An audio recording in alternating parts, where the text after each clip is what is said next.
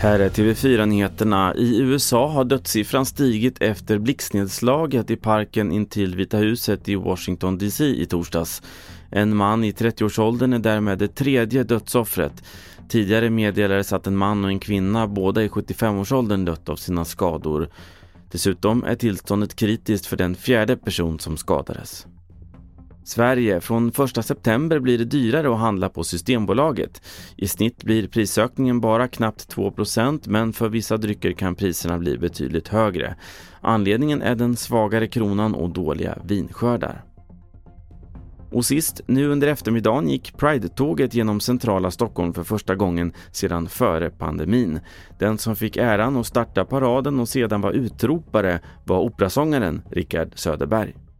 För mig är det det finaste som finns. För det här är en samling av upp mot kanske en halv miljon människor som är här för att fira frihet, mångfald, tolerans och kärlek. Och att få lov att vara en liten, liten del av det, det är otroligt. Mer om Pride-paraden och en hel del andra nyheter på tv4.se och i appen TV4 Nyheterna. Jag heter Carl-Oskar Alsen.